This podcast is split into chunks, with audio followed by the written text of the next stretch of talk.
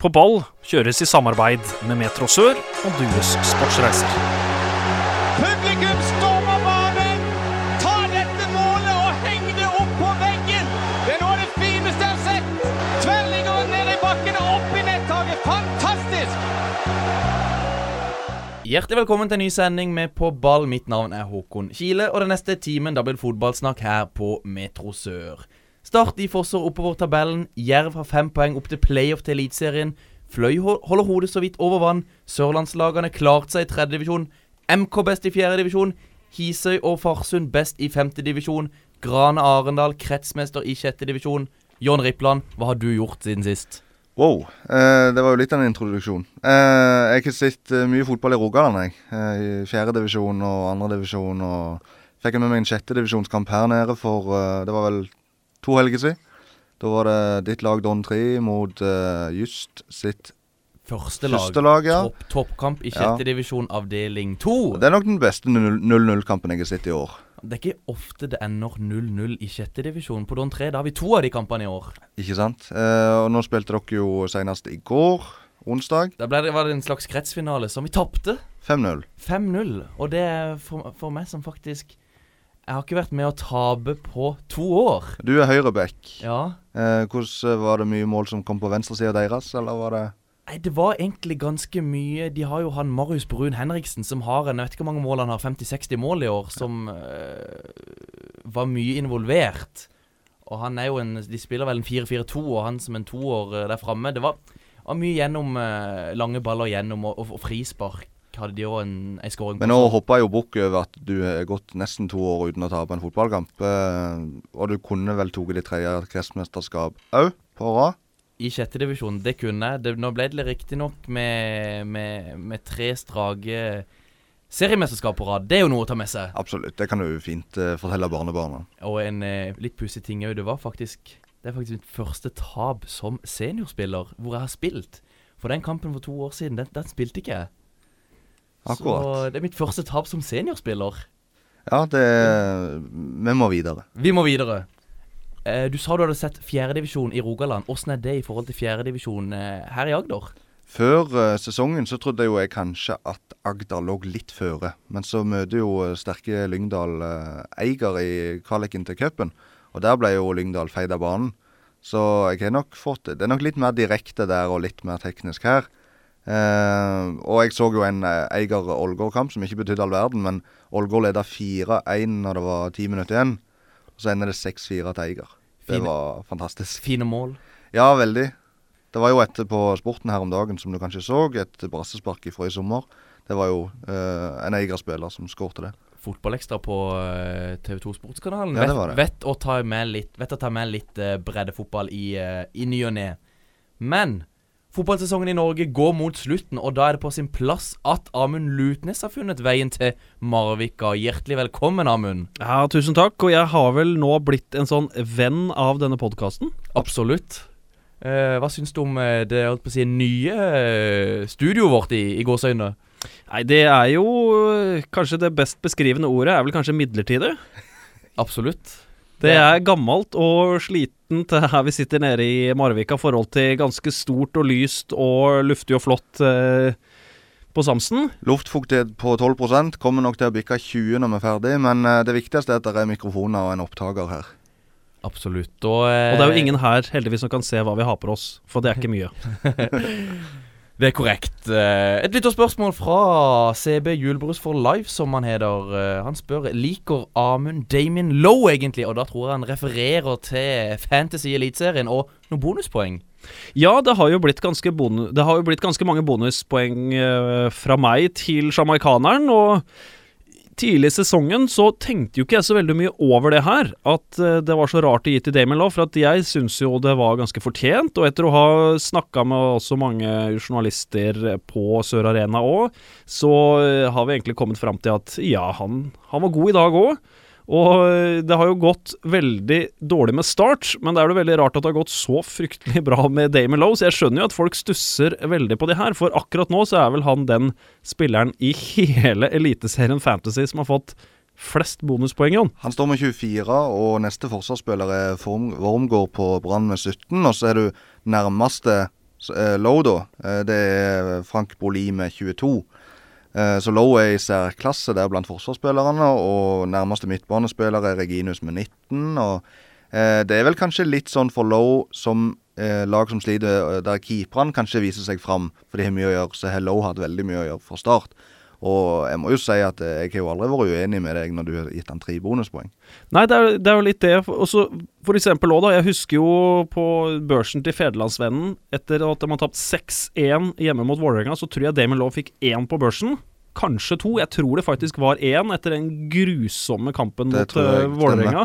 Så det har du på en måte litt sånn uh, toppen og bunnene til Damon Lowe, da. Men jeg tenker at der Damon Lowe bomma på taklinger i fjor og pasninger, så syns jeg faktisk han har truffet veldig mye bedre på det i år. Og jeg syns det er veldig spennende at Joakim Jørgensen skal komme inn i start og kan være med og danne en uh, forsvarsduo eller forsvarstrio bakerst for, uh, for start. Så da får jeg håper det så klart er da i Eliteserien neste år, for det tror jeg faktisk kan bli ganske, ganske bra. Men da for å svare på spørsmålet, da, som eh, begynnelsen var, så ja, jeg eh, liker Damien Law veldig godt som eh, fotball, eh, fotballspiller. Jeg. Det er en eh, spiller som, ja, som tar for seg, da. Det er ikke en spiller som stiller seg i, eh, i bakre rekker.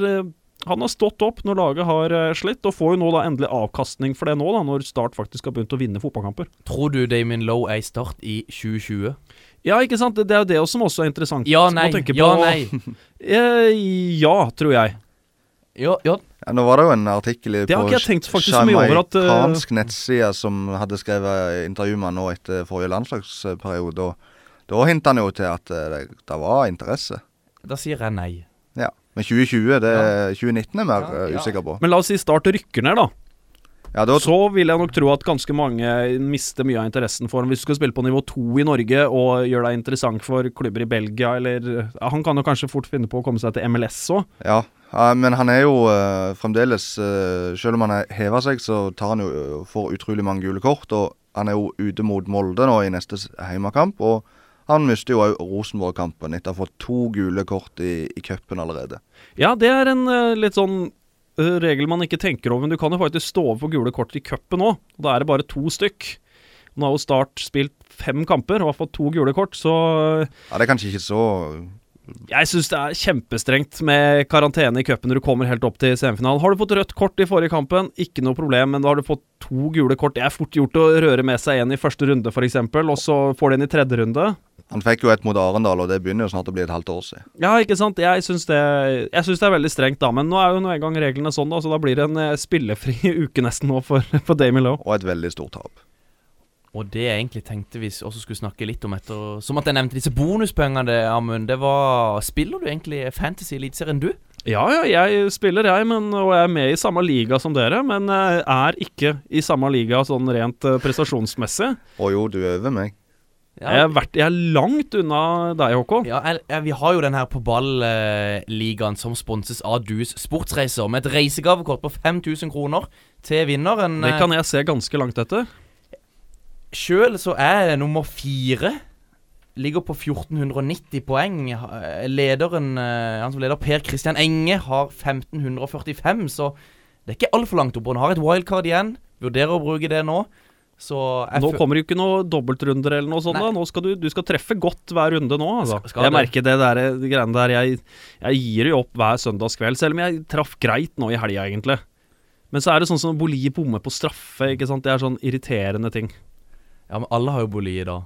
Så det er, jo, det er jo likt for alle, det. Ja ja, men uh, da kunne i hvert fall jeg fått mer poeng, da, og eventuelt gått forbi folk som ikke har den. For det er jo mange som ikke klarer å henge seg på de hypene med de spillerne. Jeg har jo f.eks. tatt inn Eikrem, da, endelig. Og det har jo gitt litt avkastning. Ja, Wolf Eikrem har vel jeg også hatt inne nå i en to-tre runder, og det Det er ikke alle som ser det at det er en spiller som plukker mye poeng. Så jeg vet ikke, har du tjent noe på det, du? Ja, han hadde jo i hvert fall en målgivende sist, og det er jo ganske utrolig at ikke Molde skåra syv mål eller noe sånt mot, uh, mot Sarpsborg. Hadde jo så mange store sjanser. Jeg har jo Braut Haaland nå, han brant jo to feite òg, ikke sant. Kanskje fått en hat trick uh, på han. Og så er det som det ofte er på fantasy, da, når jeg tar inn spillere som folk sier jeg skal ta inn, sånn som eh, Erik Hestad. Der har det vært liksom to, to, to, to, to bortover etter at jeg har fått den inn. Så det, det skal jo liksom aldri lykkes i det spillet der. Jeg kan jo lese de som er i toppen av den eh, ligaen som vi har. Det er Per Kristian Enge som sagt som leder. Og så nummer to det er Marius Husebø Evensen. Nummer tre det er Einar By. Fire Håkon Kile. fem Frank Thomassen, seks Jes Mathisen, syv Andreas Hopen, åtte Oddbjørn Mile Strand, ni Odd Arne Risdal og ti Kjetil Hangeland Løyning.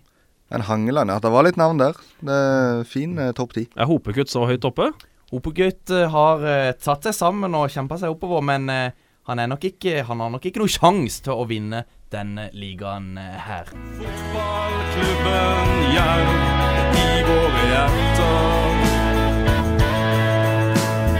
Fotballklubben Jerv fra Grimstad by. Ukens gjest det er altså Det er Amund Lutnes, det. Og jeg sa innledningsvis at Jerv de har fem poeng opp til playoff til Eliteserien. Og Amund, kan eh, Jerv eh, klare det? Nå er det ni poeng igjen å spille om i Obos-ligaen. Jerv har eh, en kamp på søndag mot Kongsvinger. Den må bare vinnes hvis det skal i det hele tatt være noe snakk om kvalik. Den må vinnes. Så hvis de vinner der, så vil jeg si kanskje. Men etter sånn som denne sesongen her har gått i Jerv, så så kommer det jo ikke til å bli kvalik i år. Altså. Man hadde jo 2015- og 2016-sesongen som på en måte satt nok litt falske forhåpninger i Grimstad. At man kanskje trodde man var litt bedre enn man var. Veldig gode spillesigneringer med OI og Brochmann f.eks., som var så gode. Ikke minst også Alexander Lind. Nå har de egentlig slitt veldig på, på spissplass. Glenn Andersen begynner å bli litt gammel. De har fortsatt ikke klart å få seg en eh, skikkelig god god og stabil keeper. Andreas Hagen sliter eh, så å si hver uke på å gjøre seg klar til, eh, til kamp. og det, Da blir det veldig vanskelig å, å hevde seg opp blant disse kvaliklagene. og det er, det er så mange jevne og gode lag i, eh, rundt kvaliken her, så Jerv får ikke kvalik, tror jeg. altså. Men de er overlever jo greit, da. De overlever greit. De, men de har jo vært der som de er nå. jeg Føler de har vært nesten hele sesongen. Nå er de kanskje litt nærmere enn det de var i starten. Ja. Men eh, jeg ser de står med to tap på ti kamper. Det er jo ganske bra i Obos. Det er det. Men de spiller, de er vel det laget også som har flest uavgjort, tror jeg. Mm. Så det blir mye sånn. Og så 0-0 hjemme mot er Levanger, ikke sant? Det er en grunn til at Håkon alltid tipper 1-1 på Levermyr. Truffet, truffet der et par ganger. Ja. Men Amund, hvem rykker opp? Jeg har jo egentlig sagt hele sesongen at uh, Ålesund skal vinne, og jeg står jo for så vidt uh, greit inne for det nå, men øh, Så taper de den her kampen. Ja, ikke sant? Og da blir du liksom sånn Dette her var liksom tidenes mulighet til å virkelig få Viking på avstand, men så gjør de ikke det, da. Nå er det da plutselig bare Nå er det plutselig bare ett poeng som skiller de nå, vel. Og så er det Mjøndalen som er to poeng bak, eh, bak Viking, så Og du var jo en av få som valgte å si Mjøndalen i stedet for Viking for eh, en del runder siden når det skulle tippes. Ja, og det syns jeg også fordi de hadde hadde henta veldig gode spillere i sommer. Jeg syns de, de traff nesten maks på overgangsvinduet. Og, og Viking er jo veldig sånn på, på lykke og fromme, da. Det er jo det et av de laveste bunnivåene i Obos-ligaen, og kanskje det aller høyeste toppnivået. Det, sånn som ikke sant, taper 4-2 hjemme mot uh, Tromsdalen. Det er liksom noen sånne bjeller som ringer og sier at uh, vil vi egentlig rykke opp? Og så, Tar vi dette her ordentlig på alvor? og så klarer de å mobilisere med mange fravær mot Ålesund. Og pappa han sendte meg melding etter kampen og oppsummerte det ganske greit. Imponert av Viking i dag. Det så ut som de hadde lyst til å vinne. Og så enkelt går det faktisk an å Ja, det det er, jo, til. det, er jo, det er jo faktisk det, altså. Og den offerviljen og André Danielsen, som som har vært ute så å si hele sesongen av laget, kommer inn, er hærføreren, lokal spiller, går foran med kapteinspinnet. De jeg, Sjelden jeg har sett et lag møtte opp så bra til kamp, sånn som Viking, med tanke på forutsetningene var egentlig ganske dårlig på Viking. Har eh, Ja, er det Har Viking vet ikke, Hvem er det som har størst mulig Eller hvem har greist kampprogrammer de lagene der oppe, hvis du om du har sett det? Viking har nå Ullkisa på søndag, som er et eh, lag som kanskje kommer til å ende på kvalik. Og så har de borte mot Mjøndalen, og så har de hjemme mot Kongsvinger. Det er de tre siste til Viking. Mjøndalen har borte mot eh, HamKam, hjemme mot Viking og borte mot Florø. Ålesund har igjen Strømmen, Levanger og Sogndal. Sogndal som de møter nå, på, eh, nå til helga, så Viking tøffest kampprogram der. ja, jeg syns det er det aller tøffeste, tøffeste, selv om Mjøndalen i siste serierunde, hvor det kanskje ikke er avgjort da, skal opp på naturgress i Sogn og Fjordane der. Florø mest sannsynlig kommer til å kjempe for enten for kvalikplassen eller kanskje til og med å, å holde seg på, på sikker plass. Og de tapte 5-0 oppe på naturgresset i Florø der. Kommer sikkert til å være et helvetes drittvær oppe i, oppe i Florø der eh, så seint på sesongen. Så eh, de tre laga der kommer til å følge hverandre som en skygge, tror jeg, helt inn til det 90. minutt i runde 30. altså. Det avgjøres altså ikke før eh, siste spark på ballen. Jeg, jeg tror faktisk ikke det. Altså, jeg tror det kommer til å holde helt inn. Nå er det jo ett poeng mellom hvert lag, så det Det er utrolig jevnt. Og Det er- det er kjempegøy. Det er kjempemorsomt i toppen her. Ja. Hva er den gøyeste kampen du har kommentert eh, til nå i år? Det er jo bare tre runder igjen, så Jeg husker Kongsvinger vant 6-0 over eh, Sandnes Ulf. Det er en av de største maktdemonstrasjonene jeg har sett. Men 16 000 på SR Bank Arena, altså i, i Stavanger, hvor de vant eh, 5-2 over Sandnes Ulf, er jo helt sjuk. Og 4-3 til Mjøndalen i Sogndal. Helt vill. Det er i hvert fall de sånne jeg eh, kom på med en i gang. det. Og det var sånn Også spesielt den der kampen eh, Sogndal-Mjøndalen var jo helt ko-ko, for eh, i det 92. minuttet eller sånt, så har, for å få litt sørlandslink, og Eirik Skjolse tidenes mulighet til å sette 4-3. Blåser den over. Angrepet etterpå, så får Mjøndalen frispark, og så skårer de søren meg. Jeg tror det var nesten Det var vel fem minutter på overtid eller noe. skal ikke kimse av Obos-ligaen. Når vi er tilbake, da skal vi snakke litt om andredivisjon avdeling to. Fløy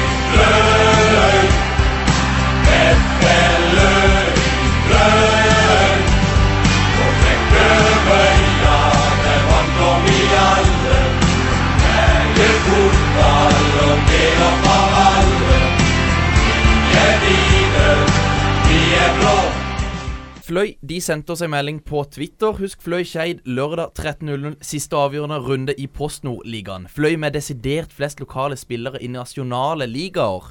Det vet jeg ikke om det er liksom en faktabasert uh, mening, men de har mange sørlendinger på laget. Det er det ikke tvil om. Ja, du kan jo f.eks. se sånn som uh, Jakob Toft, som er uh, her, fra helt på grensa til eh, Eh, Rogaland, så klart. Og så har du jo uh, Vikne. Ja, Men er man innafor Vest-Agder, så er Ja, ja, det en veldig jeg bra gjeng i, men, men det er fremdeles sånn som Hoppestad og eh, Sebastian Fredriksen og Som er telemarkinger, ja. Men det er, det er uten tvil Det er en veldig god uh, lokal profil i eh, Definitivt. Og de har, jo litt å plukke av ifra av klubber rundt her. uh, og der har de vært gode. Og eh, Nils Petter Andersen, må ikke glemme det, fra Egersund. Ja, Må ikke men glemme det heller. er så si Men du har for eksempel nå. sånn som Skeid òg, som så å si har hele troppen sin samla fra Oslo-området. Og et eh, veldig lite budsjett i Skeid også, så det er veldig Det er, en, det er ekstremt imponerende det Skeid har fått til. Altså At eh, Tom Nordli har klart å samle alle Oslo-guttene. Og veldig mange av de gutta her har også gått eh, både, Spilt både gutt og junior i Skeid, så jeg får virkelig håpe de klarer å holde på denne Oslo-stammen. eh, Det tror jeg absolutt. De, har skapt en skikkelig giv der nå. Ja. Og de har valgt Skeid fordi de har lyst til å spille for Skeid, klubben, og ikke fordi det er noe økonomisk gevinst der, tror jeg. Nei, for økonomien er her Den er ikke så veldig stor i Skeid i år, så er veldig, veldig imponerende. Men bak der så er det pokker ikke avgjort. Og da er det matematikk inne i bildet her. For ditt Egersund, Ja. hvis de vinner over KFM, hva må skje med Hødd da? Da må Hødd spille uavgjort eller tape. Uavgjort er nok for Egersund sin del. Og de skal borte mot Nardo, som redda plassen Ja. i forrige runde. Men samtidig skal Egersund spille borte mot KFM, som ligger på samme poengsum som Egersund. Så de, altså KFM kan jo ta det med seier, de òg. De kan det. Og Johan, og Johan, du vurderte å eh, reise inn til Ekebergsletta og følge denne kampen mellom KFM og Eik. Ja, men det er klart eh, Jeg får ikke noe gratis på en sånn reise, så, så eh, etter det ble uavgjort mot Vard i forrige kamp, så bestemte jeg meg for, å- altså. ja, for å ikke reise. Men jeg var ikke overraska at Vard klarte poeng der, altså. Hvis eh, Eller det laget som ender på andreplass i andredivisjon avdeling to, hvem, hvem vil Eller hvem, Det er allerede klart at de møter Fredrikstad, som er blitt nummer to i, i sin avdeling etter uavgjort mot Grorud, som hadde muligheten til å ta andreplassen, de òg. Er Fredrikstad favoritter der? Ja, det må vi jo si. Det kommer litt an på hvem de møter. Hvis de møter Hødd, så vil jeg si det er eh, ganske likt. Altså. Det er to store ja, klubber, egentlig. Selv om Hødd for så vidt er en liten klubb, da, men har veldig sterk eh, toppidrettskultur. Så, Men uansett, Fredrikstad vil jo alltid være Fredrikstad og vil være store favoritter. Og noe som også vil være det som eh, er den største hemskoen også til Fredrikstad. De klarer jo ikke å være favoritter. Vi må fra, vi må fra topp til bunn. Og Der tok jo Fløy en vanvittig viktig seier sist. Og slår Arendal 4-3 på I en bortebane. skikkelig kokoskamp Ja, eh, på. Nordøk. Det var liksom når du måtte som mest, og i tillegg at de fikk uavgjort mot Hødd eh, kampen før det. Det var De, de skulle sikkert hatt tre poeng sånn egentlig, men, men å ta et poeng mot Hødd som jakter opprykk, er jo utrolig bra mobilisert. Fire poeng på de siste to, altså. Så nå er ståa sånn at uh, Fløy kan tape. Ja, de kan De har faktisk forutsetninger her at de kan tape, og hvis de spiller uavgjort, så kan heller ikke Stjørdalsblink ta det igjen hvis Stjørdalsblink vinner. Hva med Vålerenga? Hvis Vålerenga vinner borte nei, mot Bryne, og Fløy spiller uavgjort Ja, men noe av problemet her er òg at eh, kanskje ikke Vålerenga 2 får med seg så veldig mange A-lagsspillere. For at eh, dette her spilles på lørdag, og Vålerenga spiller også på lørdag. En kjempeviktig kamp mot, uh, mot Strømsgodset, så det er litt interessant å ja, se. Er det det for Vålerenga? Har Vålerenga noe å spille for? Ja, for etter når når man taper 2 2-0 uh, mot uh, KBK på Intility og Ronny Deila og de store forventningene som er til Ja, Vålerenga, ja, så må man slå tilbake fra noe sånt som det der. Det er ikke akseptabelt å tape på hjemmebane for, jeg er litt, for Vålerenga. litt usikker, for med fire kamper i en Eliteserien så tror jeg de vil gjøre ganske mye for å holde seg i andredivisjon. Men ja, det er jo nettopp det. Det er Men de derfor jeg er kommer- i- Det er derfor jeg syns det er litt interessant å se hva, hva Ronny Deila velger å avse fra eh, Ja, troppen sin. Og men Vålerenga 2 de har jo bedre målforskjell enn Fløy. Ja, for når de er vonde, så de de virkelig vonde, som regel. Ja, så hvis Vålerenga 2 da vinner, og Fløy tar bort, det er jo Vålerenga 2 Nei, hvis Ja, hvis Vål... Fløy spiller uavgjort så, Hvis Fløy eh, spiller uavgjort og Ja. Vålerenga 2 vinner, Ja. da holder Vålerenga 2 seg. Mest Yes. sannsynlig. Ja. Så, så Fløy trenger poeng, eh, tror jeg, mot, uh, mot Skeid, som heldigvis er allerede få opprykk. Og så tror jeg jo ikke at Vålerenga 2 får noe særlig gratis mot Bryne. Selv om Bryne sånn sett ikke har noe å spille for, så tror jeg at de har ganske mye ære å spille for etter en svak sesong. Det er, nå- det, er, det er siste kampen på sesongen foran hjemmepublikummet sitt. Man har ikke lyst til å drite seg ut da mot eh, rekruttene til Vålerenga. Så er det jo klart at uh, for Bryne så er det jo en midlertidig trener der i Even Sehl, som har sin siste kamp der. Og så for Det er fordi jeg bestemte at han ikke skal være hovedtrener neste år. bestemt at de skal finne en annen. Og det siste jeg hørte, som kanskje ikke har stått noen plass, er at eh, Bryne skal gå for treneren til Klepp sitt damelag. En islending. Ok. det Kvinnelig- noe kvinnelig? Uh, eh, nei, uh, mannlig, heter det det? Herrelig. Ikke Helena Mikkelsen? Nei, det er ikke Helena Mikkelsen. Han er islending og har jo tatt Klepp til andreplass i, i toppserien, som er for første gang på år og dag for Klepp sin del. Fantastisk sterkt. Semifinale i cupen. Spennende type. Er Ims med fortsatt for Klepp? Det, å, nå spør du vanskelig. Ok, ja. Men uh, antageligvis ja. På lørdag uansett så spilles kampene samtidig. De begynner klokka ett, så det blir jo umulig å spille på noe resultat. Eh, Om du hører dette på radio, så er jo dette altså før startkampen på mandag. Så har vi allerede fått utfallet av divisjonen. BFK, hvite blå, alltid forberedt på.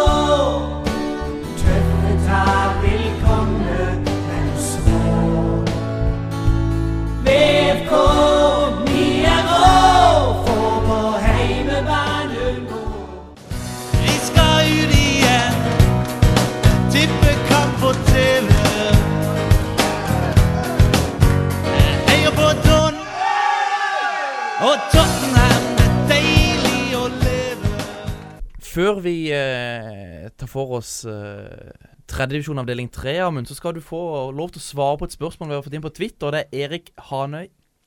Spør Amund om hvordan det går med seriemesterne fra 1987. Hans kjære Moss, og de spiller vel andredivisjon avdeling 1? Ja, de er i den eh, andre avdelinga, og Erik Hanøy da er jo min kommentatormentor, da, som uh, lærte meg eh, opp en veldig dyktig kommentator, det. Også vært speaker på Brann stadion. Men, uh, men Moss, da, der ante jeg jo på en måte liksom fred og ingen fare. Man holdt plassen, og så var det egentlig ganske annonsert at han Nesselquist ikke skulle være trener neste år, at han skal videre til nye oppgaver, og det forstår jeg en veldig godt i. Men så plutselig så får eh, Kjetil Berge sparken, og så eh, sier Morten Jæver og Martin Tømt Jensen opp, og så er det jo helt kaos Alle de tre siste der er jo våre spillere og litt sånn roller Ja, jobba i, jobba i markedsavdelinga, og Jæver har jobba bl.a. med gatelaget til Moss. Så det her er tre veldig viktige personer i Moss. Og nå står man jo faktisk inn mot 2019-sesongen med jeg tror bare én spiller på kontrakt. Og det er derfor også jeg ser at det bare har blitt eh, Hva er det for noe? De har ikke vunnet siden august. Ja, nei, det har vært en eh, horribel eh, siste del av sesongen, men så har man på en måte liksom gjort det som var det store overordna målet, det var å holde seg i, i divisjonen, men nå ser det ut som de får en blytung inngang på 2019-sesongen, så akkurat nå så vil jeg jo tro at Moss er en av de absolutt største dumpekandidatene i, eh, i Post Nord til neste år, hvis ikke det skal skje noe helt vilt da, i, eh, i vinter og etter sesongen, at man kommer til enighet, men eh, det er ikke som det en gang var. De rykka jo opp i fjor, og det var jo endelig litt positivt. Og Ja. Nesselquist er vel eh, Norges Julian Nagelsmann. eh, Ja. Som eh, gammel er han? 5-26? Ja, hvis ikke han er eh, yngre. ja, Jeg tror han er 23-24 år. Ja. unge, ung, i hvert fall. Ja. Og jo fått gode resultater både Ja. i Trosvik og fått Moss opp fra tredjedivisjon og holdt det i Postnord Post Nord. Det er eh, spent på hvor han kjempeimponerende. går nå. Ja, nå eh, fikk du snakke nok om eh, Moss, eh, Amund. Dette er en lokalfotballpodkast på Sørlandet, så vi må snakke om tredjedivisjon avdeling 3, hvor alle lagene fra Sørlandet klarte seg. Trodde vi det før sesongen? Eh, Trodde vi det for en måned siden?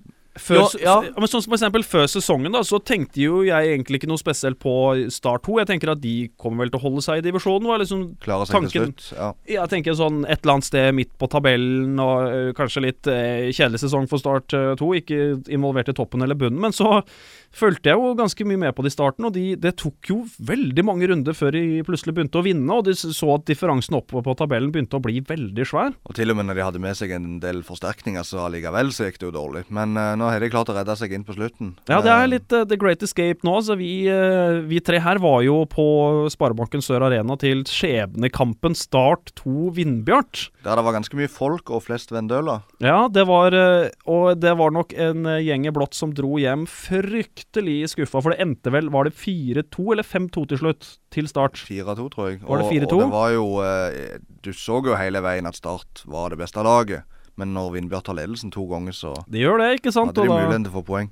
og så kom, satte man inn på Sig Sigurdarsson annet i annen omgang, som, eh, Skånes.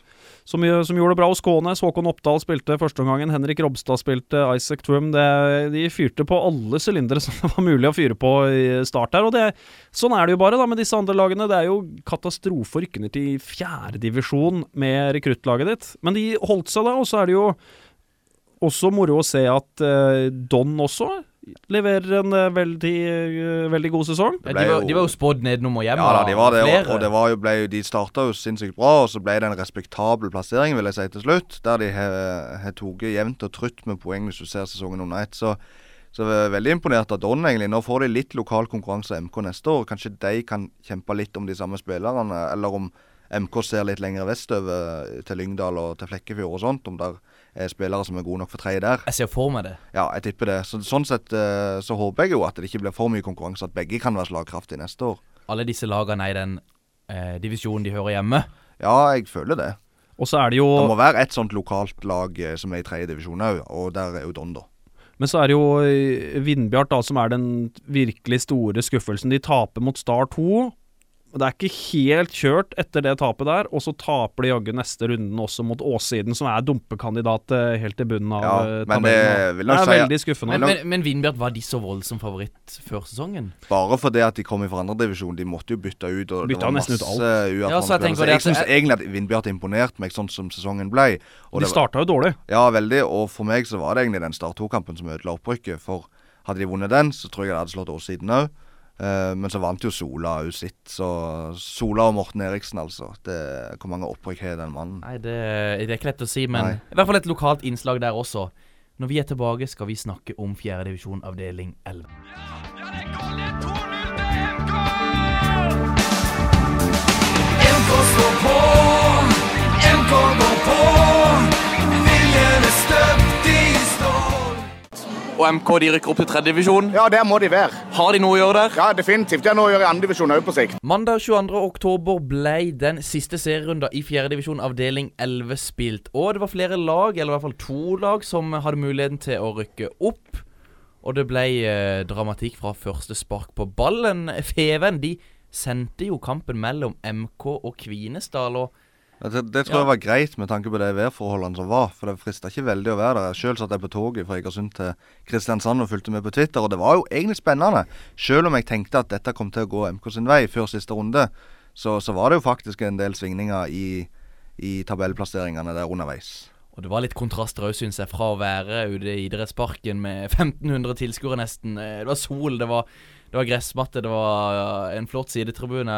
Og, og- og det å se på sendinga til Feven som var Det var flere ja, paraplyer enn mennesker. Det var flere paraplyer enn mennesker, og det var det, men, eh, men jeg syns Feven og For der, der ble jeg litt overraska når jeg trykka meg inn på den kampen jeg så Feven skulle sende den. Jeg tenkte jo ikke på at Idrettsparken ikke har flomlys, så tenkte jeg bare sånn Hva er det her for noe jeg ser? Og det var helt sånn bekt mørkt rundt hele, og ikke noe spesielt med publikum og Men det gikk jo veien til slutt, da. De gjorde det. Og uh, Og det er jo litt kult, da, å få opp MK, liksom. At det, det eh, Det, det var på en måte fasilitetene rundt, og sånn, så er det de som frister mest å få opp.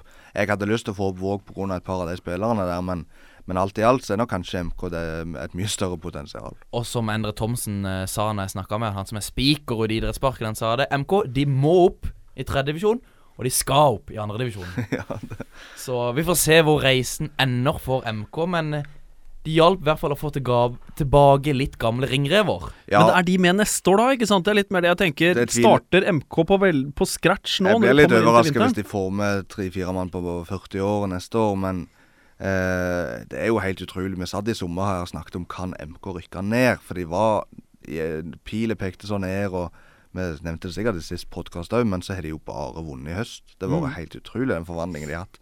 Men jeg tror mye, mye av det sier er egentlig treningshverdagen. At de har hatt flere folk på trening pga. de de henta inn.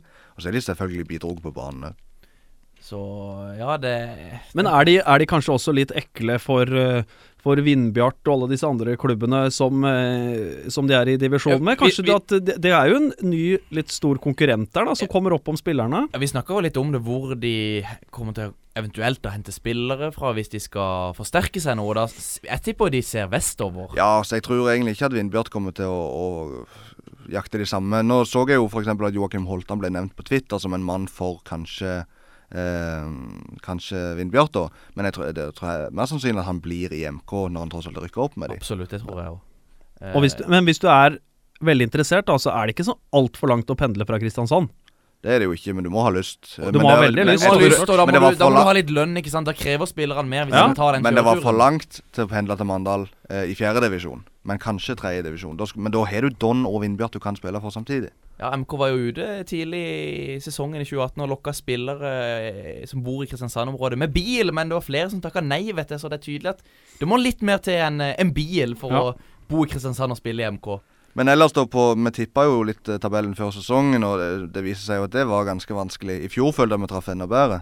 Vi hadde jo bl.a. Ekspress og Vigør i toppen, og litt skuffa der. Eh, Vigør varierte for mye, og Ekspress eh, ble jeg egentlig litt skuffa over toppnivået til. Men eh, det er ikke sikkert jeg er enig i det sjøl. Vi traff vel med tre lag, ser jeg. Lyngdal på andre traff vi med, og vi traff med Flekkefjord på femte, og vi traff med Don 2 på 14., altså helt sist, så Og ingenting er bedre enn å skryte av seg sjøl.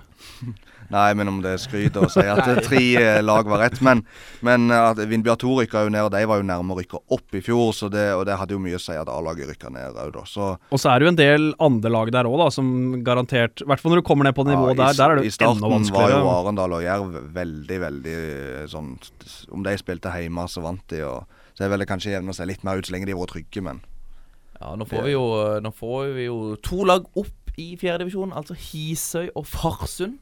Hisøy er nytt eh, bekjentskap for min del eh, på, på det nivået. Farsund uh, kjenner jeg vel litt mer Farsund også, da. Det er jo litt moro at noen av de laga helt i vest begynner å våkne. Ja. Ja, Østøy. I Ja, ikke minst. Ja, ikke minst i, i øst også. At det, sånn som at vi, at vi får liksom spredd det litt ut Men når over du sier, ja, men du sier vest, så er du. Kvinesdal, Farsund, så er du Lyngdal, og så har du det MK for så vidt. Ja, så det er jo en del lag der, faktisk. Men det er oppe i tredjedivisjon, hvor mange fra vest blir det der nå? Fra vest til Vest-Agder? Nei, Det bare MK i det er tredje divisjon. Ja. MK Vindbjart, Don og Start 2, som er de sørlandslagene Ja. i tredjedivisjon. Men du tenker helt vest til Vest-Agder? Ja, Det det, er det er bare MK. Kun MK, ja. Ikke sant, ja. Så da, da, blir det, da får du spredd litt ut på kartet der, og det gjør jo det, det gjør jo mye morsommere. I Hisøy der er det vel en Risholt-mann, er det ikke det? Det er det Kai som er der? Ja, eller Roger, jeg ser ikke forskjell på det. Ja. Ja, men du kjenner jo Roger. Jeg kjenner Roger godt. Du snakker, du, snakker, du snakker med han når dere er, på biltur. Ja, ja, ja. Men Kai han trener juniorlaget til Hisøy. Ja, og snører på seg noe sko i ny og ne, tror jeg, for annetlaget. Samme gjør også, også Roger da for Arendal 2, hvis de trenger litt. Roger Arendal 2 og Kai Hisøy 2, så vidt vi har forstått det. Ja. Men det er jo først og fremst eh, juniorlaget de styrer, da. Nå kan jo Roger sikre seriemesterskapet på tirsdag, tror jeg. Han har jo faktisk ikke slått Kai i år, da. Så det, den sitter litt, eh, den, altså. Men det var 700 stykk og så på Hisøy junior mot Arendal junior på Norak, og det syns jeg er, er veldig, utrolig, altså. veldig kult. Altså. Det viser jo litt av den der lokale forankringen, og man kanskje er litt sultefora i Aust da, på at eh, det skal bli litt, eh, bli litt suksess. Sånn som Jerv, ikke sant. Ah, Litt sånn nedadgående kurve. Det er ikke så kult produkt lenger. Arendal fotball bomma på opprykket. Man hadde jo faktisk en reell tro på at Arendal kanskje kunne klare å rykke opp til, eh, til Obos-ligaen. Det blir veldig spennende til neste år. Og det er ikke mange hjemmekamper på Arendal. Det har vært 700 tilskuere på i år. Så Ikke sant? det var et sterkt Så- eh, antall, det. Ja, så det, viser, det, det viser ganske mye, syns jeg. Det var vel rett over 1000 vel på åpninga av Norak. Nå husker jeg ikke helt eksakt det tallet, men, Men da det var det folk. Men det var i fjor. Det var i fjor, det var i 0-0 mot uh, Mjøndalen. 1-0. Mjøndalen skåret på overtid. Ja. Ja, sant det! De Ja. røra inn helt på slutten. De gjorde ja. det. Jeg husker en Sune Killerich der som ikke var veldig fornøyd etter match. Nei, ja, sant det. Det, det kom en helt på slutten her, ja. De gjorde det eh... ja for en grusom sesong Arendal men- hadde i fjor. Ja, men nå er vi i fjerdedivisjon. Ja. eh, og nå sto jeg litt stille her, men det kommer et til lag opp. Det skal spilles en playoff på, på onsdag, tror jeg det er, mellom Tveit og Froland. På Sukkervann.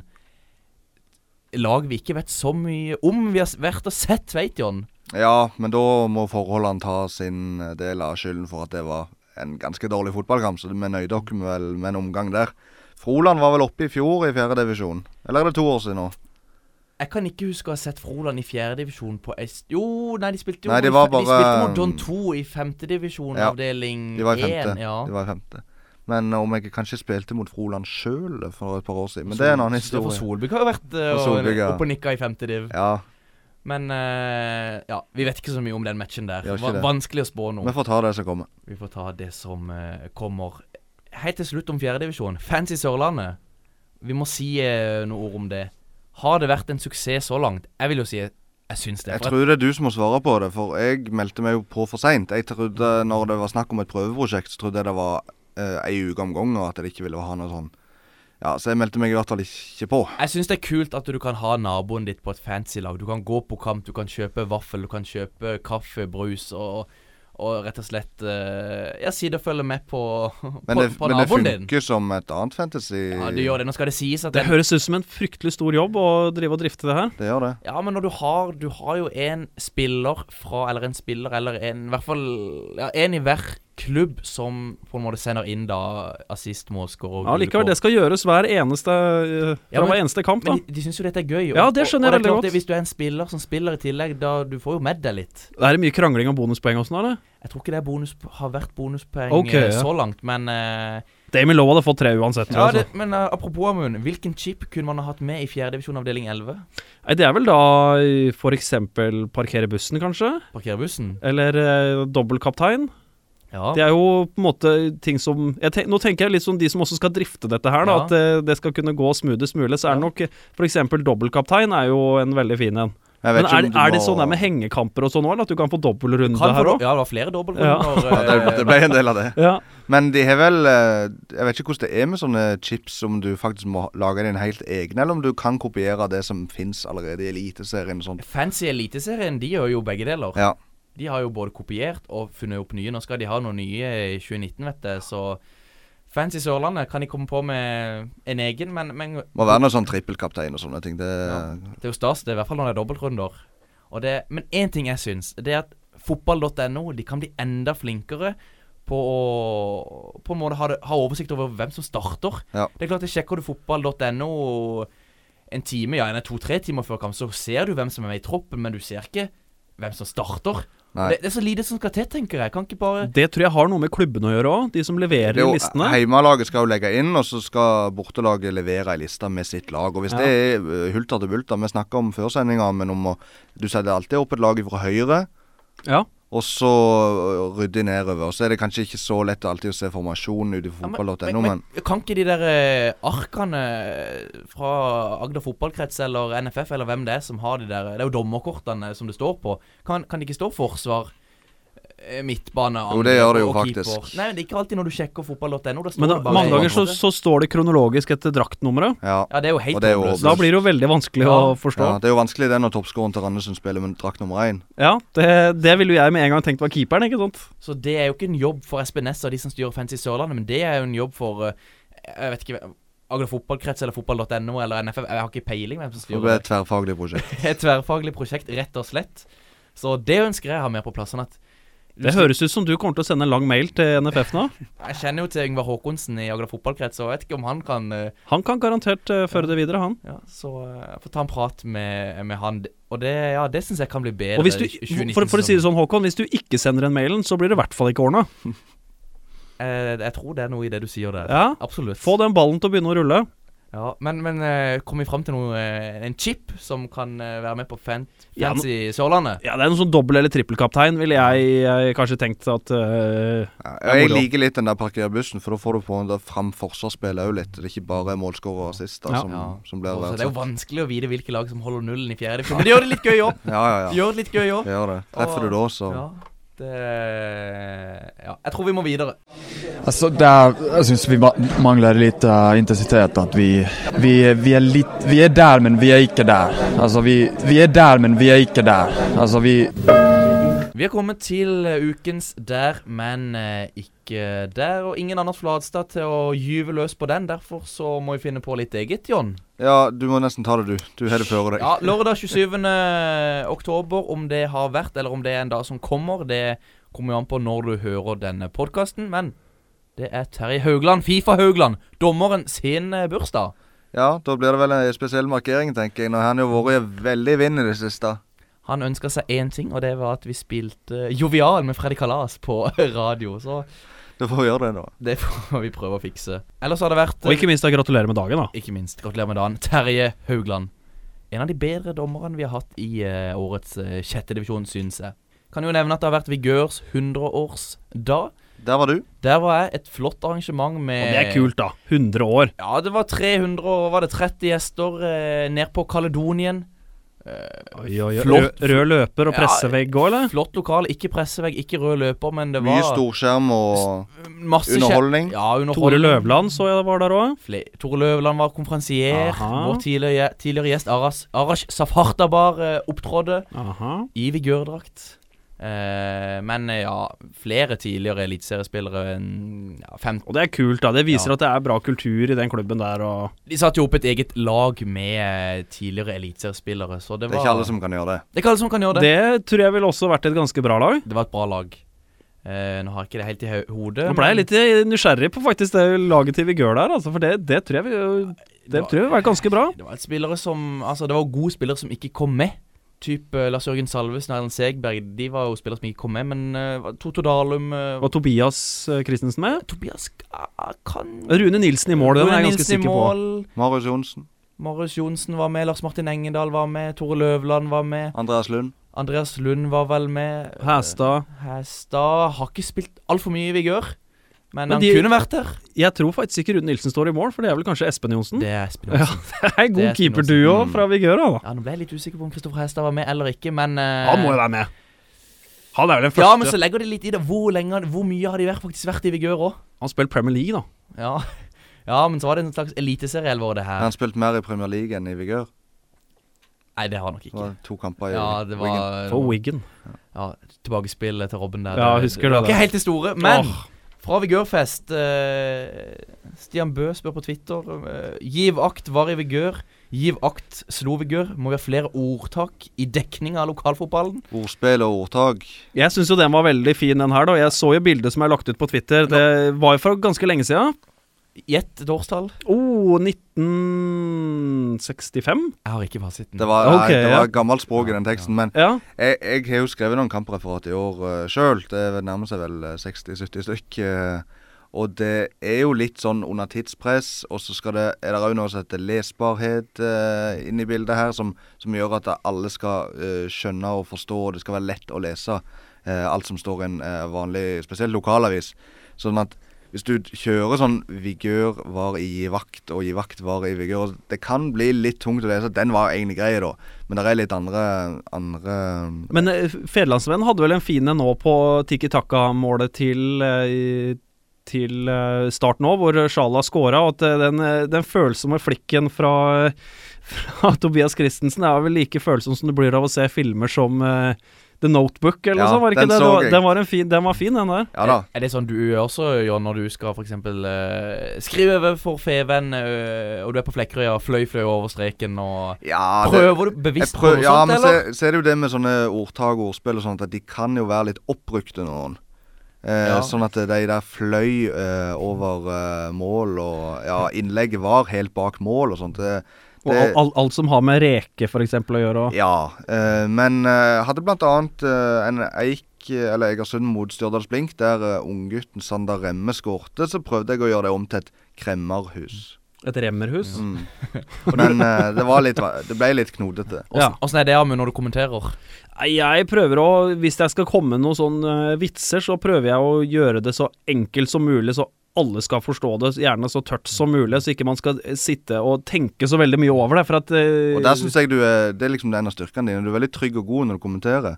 Og så- men jeg syns du har begynt å dra på litt mer når det kommer litt sensasjonelle ting i kamper av mål og sånt. Ja, nei, man eh, Spesielt den. Mjøndalen-Sogndal. Da drog du på. Men Det var jo helt hodemist. Ja, da mista Det vel var du jo, det. Ja. Men det var jo helt ko-ko. For at jeg og Roger hadde jo drivet og snakka om den kampen så lenge i forveien, at uh, dette her kommer til å bli tett og jevn. Kanskje, kanskje to målsjanser i den, eh, i den kampen her.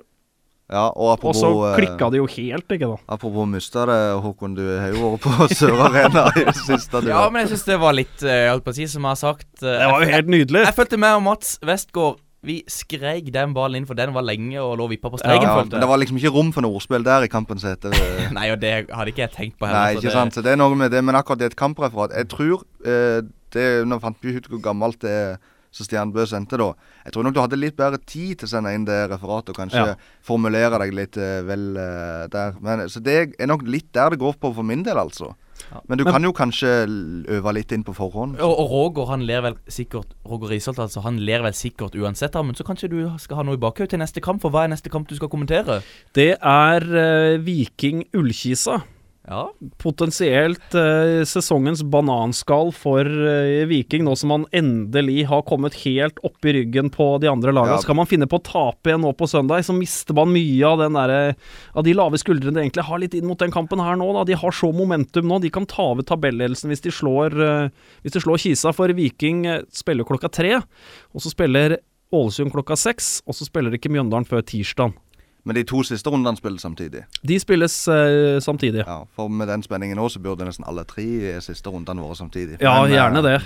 Og jeg syns jo Jeg så jo bannere på uh, Color Line med um, nei til mandagskamp eller tirsdagskamp eller Ja, for jeg er ikke helt enig egentlig der. Jeg syns det kan være litt kult det også å ha en sånn egen dag hvor man eh, Hvor liksom Obos-ligaen kan få liksom full eh, Det er veldig gøy som. TV-seer, men som bortesupporter på Ja, en den- tirsdag, eh, så er det ikke så Den gøy. ser jeg altså. absolutt. At det er vanskelig f.eks. å komme seg fra Stavanger til Ålesund på mandagen hvis du skal på jobb igjen på onsdag. Hele den problematikken der ser jeg, ser jeg altså. Men sånn, eh, sånn TV-messig så syns jeg man nesten kunne også gjort det mye mer ut av det. Og gjort det til at vi f.eks. kunne hatt en ganske lang build-up til den Dere kampen kunne her. kunne hatt mer enn et kvarter, ti minutter. Ja, eh, ikke sant. Så, og så hatt liksom tirsdagen som skal være liksom en skikkelig Obos-dag. Nå ser jo det nå at eh, Champions League i år begynner jo med noen kamper på tirsdag klokka 19, så det krasjer jo litt med den kampen der, da. og, så, og nå sender jo du eh, Ja, diverse fra si Facebook og. Instagram. Mye Facebook. Du og Roger i bilen der. Du gjør ditt. Ja, vi eh, gjør det vi kan for å,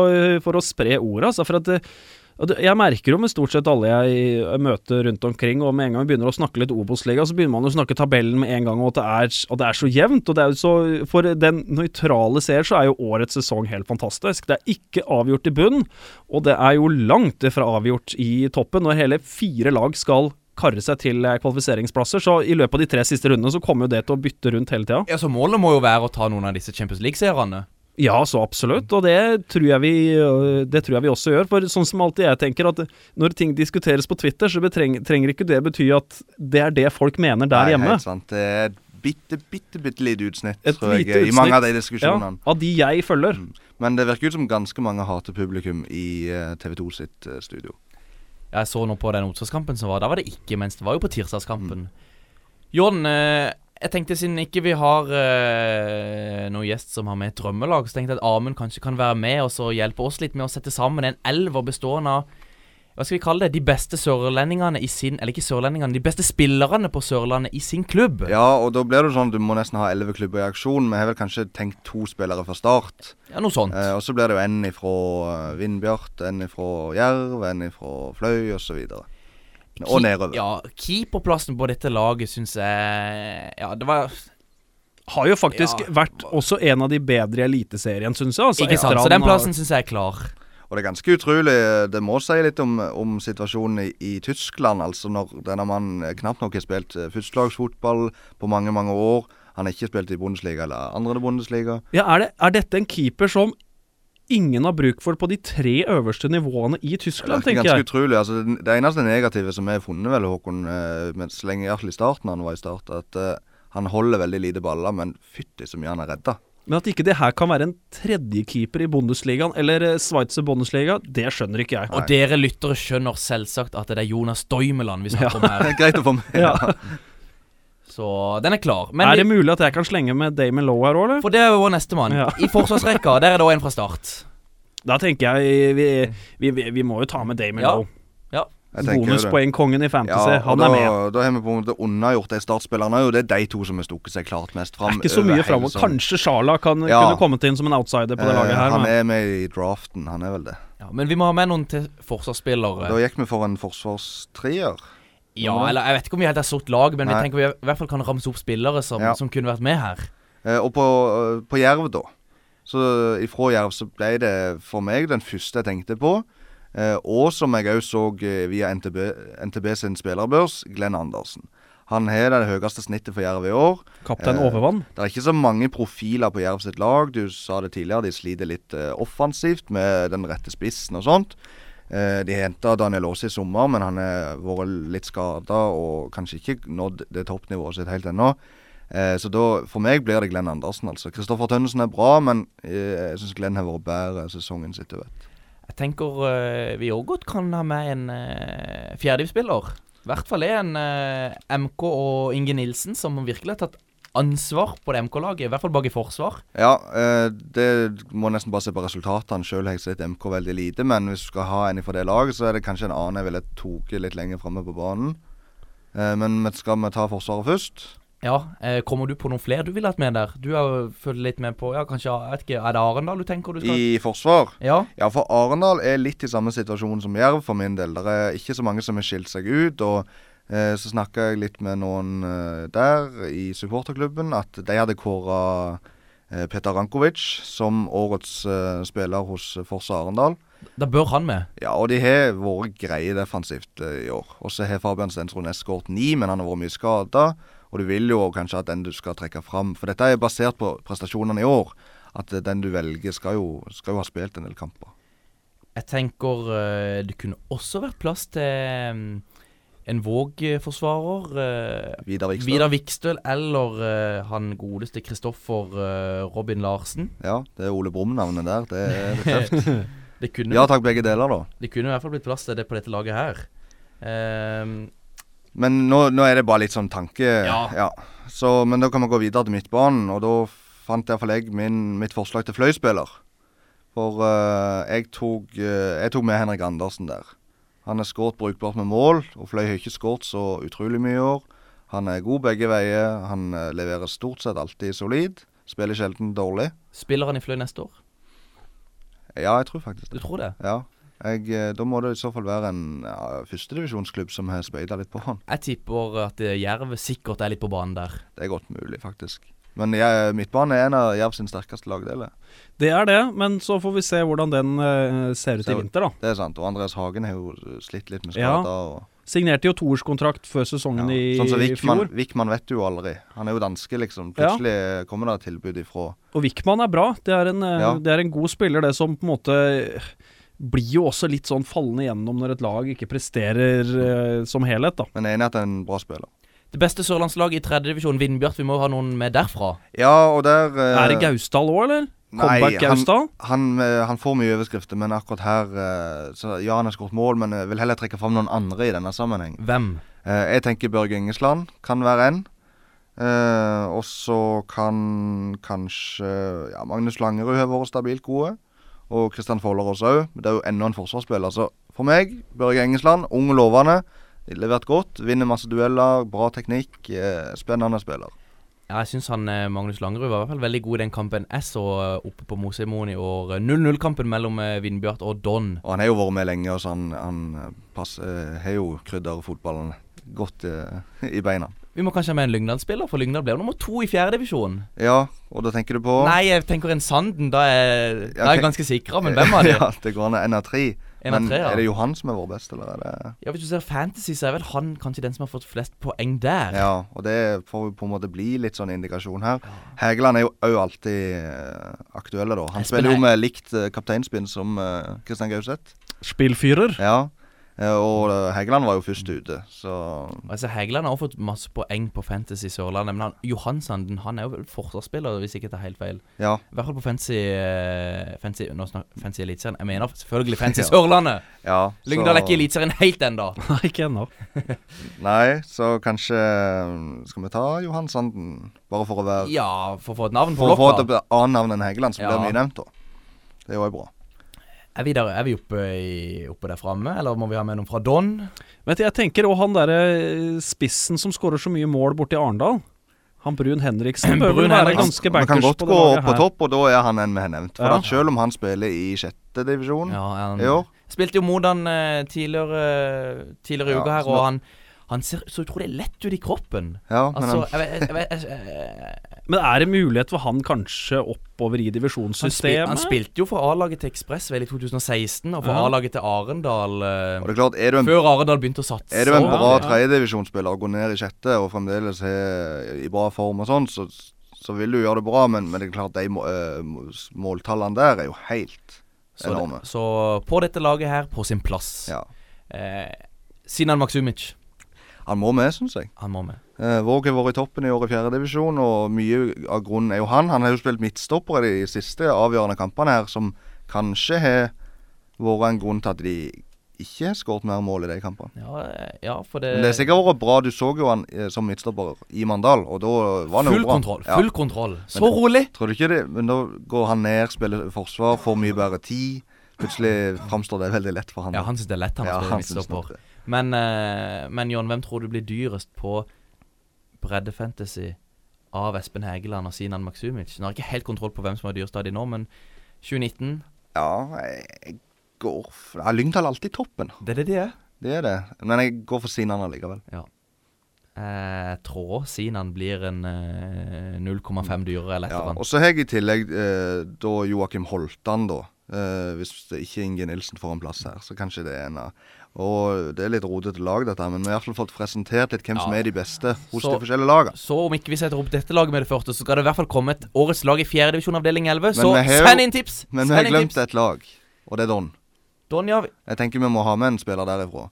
Eh, mine kandidater er vel kanskje Marius Hammersmark eller toppskårer Stian Ingebrigtsen. 19 mål i tredjedivisjon. Det Det står det, det jo respekt av.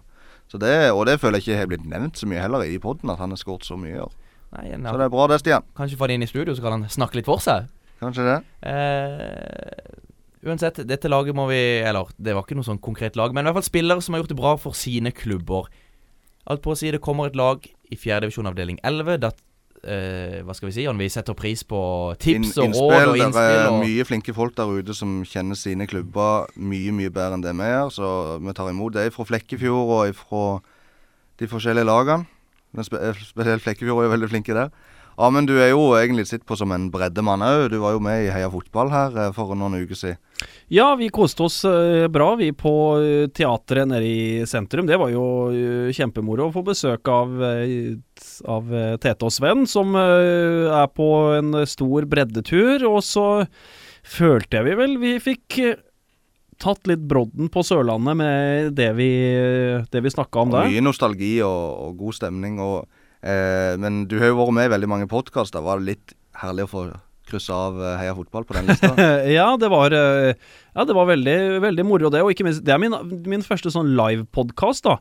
Det er jo litt sånn ekstra energi i det når, at, eh, når du ser utover, eh, utover publikum. Og det satt vel en, i hvert fall en 60-70 stykk i salen der, tror jeg. helt fullt. Det var Smekkfullt. nede på den intimscenen. Og, men det som var så rart, det var at eh, etter to minutter så tenkte jeg ikke så mye på at det var publikum.